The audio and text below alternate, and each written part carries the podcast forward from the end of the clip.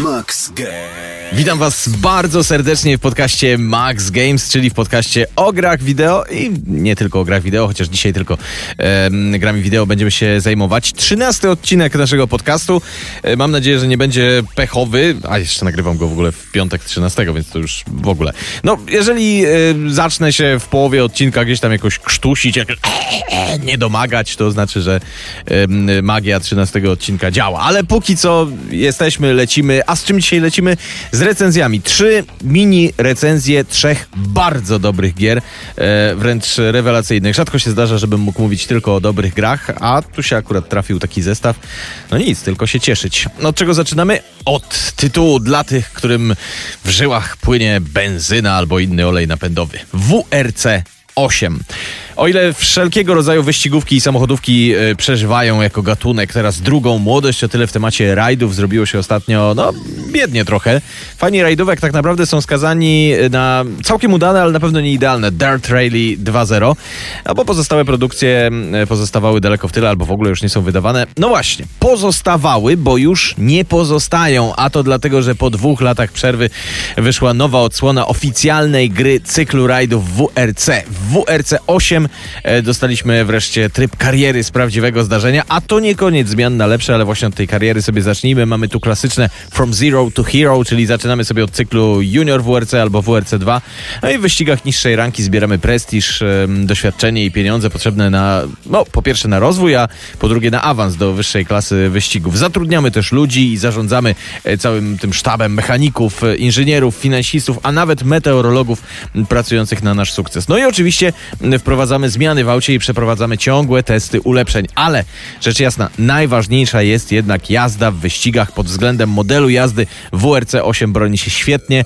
E, Zresztą już w poprzedniej odsłonie źle nie było, a teraz jest naprawdę już e, rewelacyjnie. Naprawdę fajny kompromis e, realizmu z frajdą tej jazdy, przy czym od razu zastrzegam, że żeby w pełni to poczuć, to jednak zdecydowanie lepiej grać na kierownicy. Pad albo klawiatura nie pozwalają rozwinąć skrzydeł, no ale to na dobrą sprawę tyczy się chyba wszystkich gier samochodowych. Jeszcze co do tego realizmu, to też może, możemy to sobie dostosować. Można w ustawieniach trudności zupełnie przykleić nasze auto do podłoża i powłączać wszystkich asystentów. Wtedy będziemy mieć rozgrywkę łatwą, lekką i przyjemną, a można podejść do tematu bardzo ambitnie i zrobić w drugą stronę. Decyzja należy już e, do nas. WRC 8 to oficjalnie licencjonowana gra, więc oczywiście mamy do dyspozycji wszystkie oryginalne auta, teamy, e, kierowców e, i tak dalej. Jest zresztą dwóch naszych rodaków, e, Kajetan Kajetanowicz i Łukasz Pieniążek.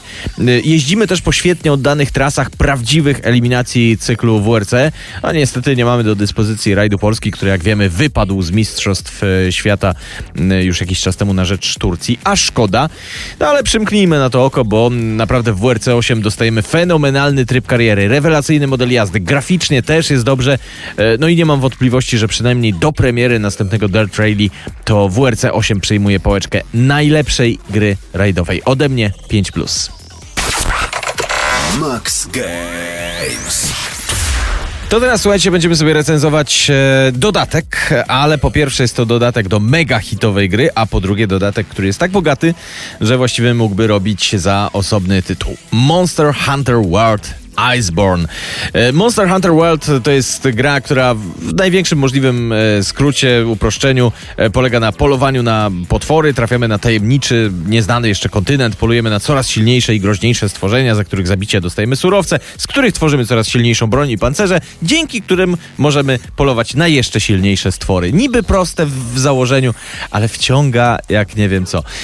Monster Hunter World został wydany no już rok temu z hakiem, półtora roku temu. E, No a teraz mamy dodatek. Iceborne polega dokładnie na tym samym, tylko w nowym otoczeniu. Z pięknego, tropikalnego i zielonego kontynentu przenosimy się do regionu skutego lodem, pokrytego śniegiem i mieszaniną bieli i szarości. I w takich arktycznych warunkach będziemy polować na nowe, jeszcze silniejsze, niespodzianka, potwory. Trzeba powiedzieć, że ta nowa miejscówka to jest prawdziwy majstersztyk. E, Nowa mapa jest znacznie większa od starej i znacznie bardziej urozmaicona różnymi tam sekretnymi pięknymi miejscami do eksploracji, tajnymi przejściami, ale też zapierającymi dech w piersiach widokami. E, nowe potwory też zresztą robią wrażenie wizualne, ale też bardzo podwyższają poprzeczkę, bo nawet e, najprostsze nowe stworzenia wydają się być sprytniejsze od tych e, z podstawowej wersji gry i starymi sposobami ubić ich się nie da, przynajmniej nie tak łatwo. Trzeba się uczyć nowych taktyk i trzeba korzystać z nowych możliwości w walce, których też nie brakuje. Ale zmiana miejsca i nowi przeciwnicy to nie jedyne nowości są, bo dostajemy też całkiem niezły w porównaniu do wersji podstawowej wątek fabularny, w którym e, będziemy musieli poznać przyczyny migracji zwierząt. Mamy nowe drzewka rozwoju umiejętności, które zdefiniują zupełnie na nowo naszą postać. Mamy y, zupełnie nowe możliwości modyfikacji i przebudowy naszej bazy. Mamy nowe ulepszenia broni, mamy nowe wyzwania.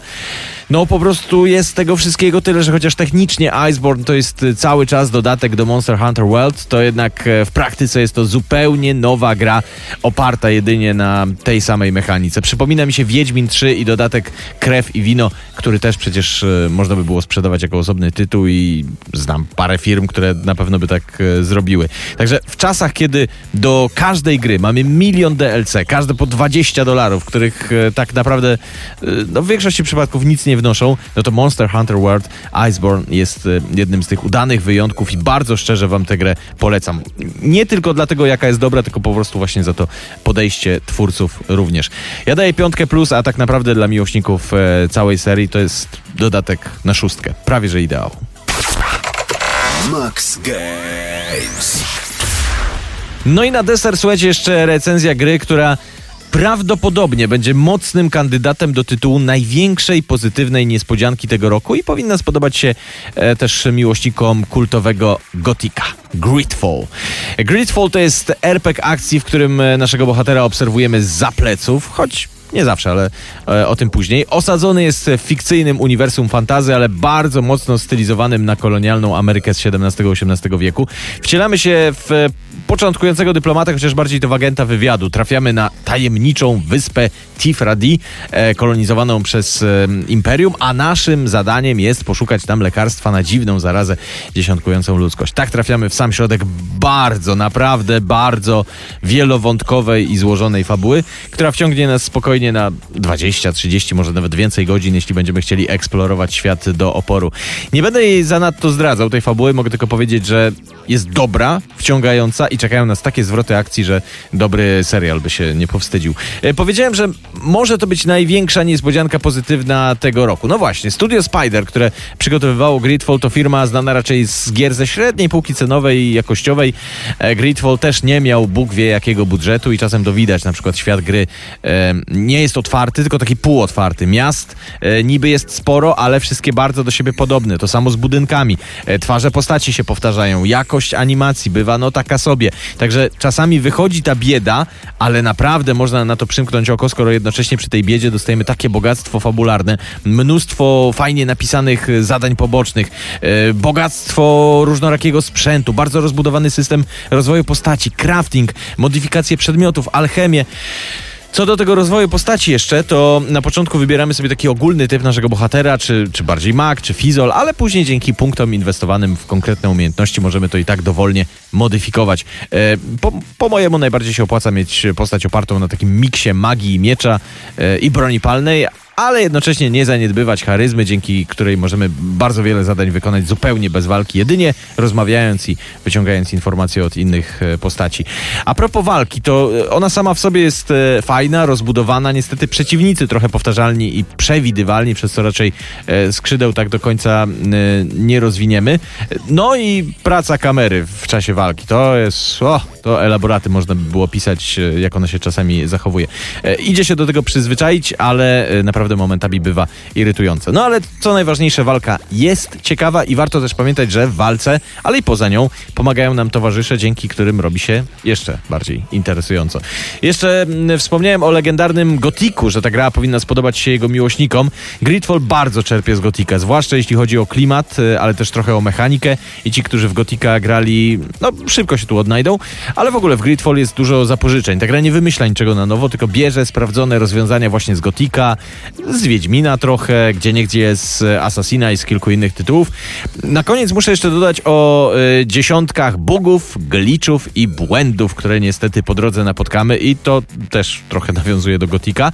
No ale na szczęście zazwyczaj wystarczy załadować save sprzed tam paru minut i będzie ok. No ale potrafi to momentami wyprowadzić e, z równowagi. Właśnie błędy i ta wspomniana budżetowość to są największe wady Gridfalla, ale nijak to nam nie przykrywa całości, na którą składa się genialna fabuła, e, świetny system rozwoju postaci, ogrom możliwości w grze i fenomenalny klimat. Dlatego uważam, że piątka takim nawet malutkim plusem dla Gridfall całkowicie zasłużona. A być może to już ryzykowna teza, ale być może nawet, kto wie, należy mu się tytuł najlepszego tegorocznego RPG. Max Games.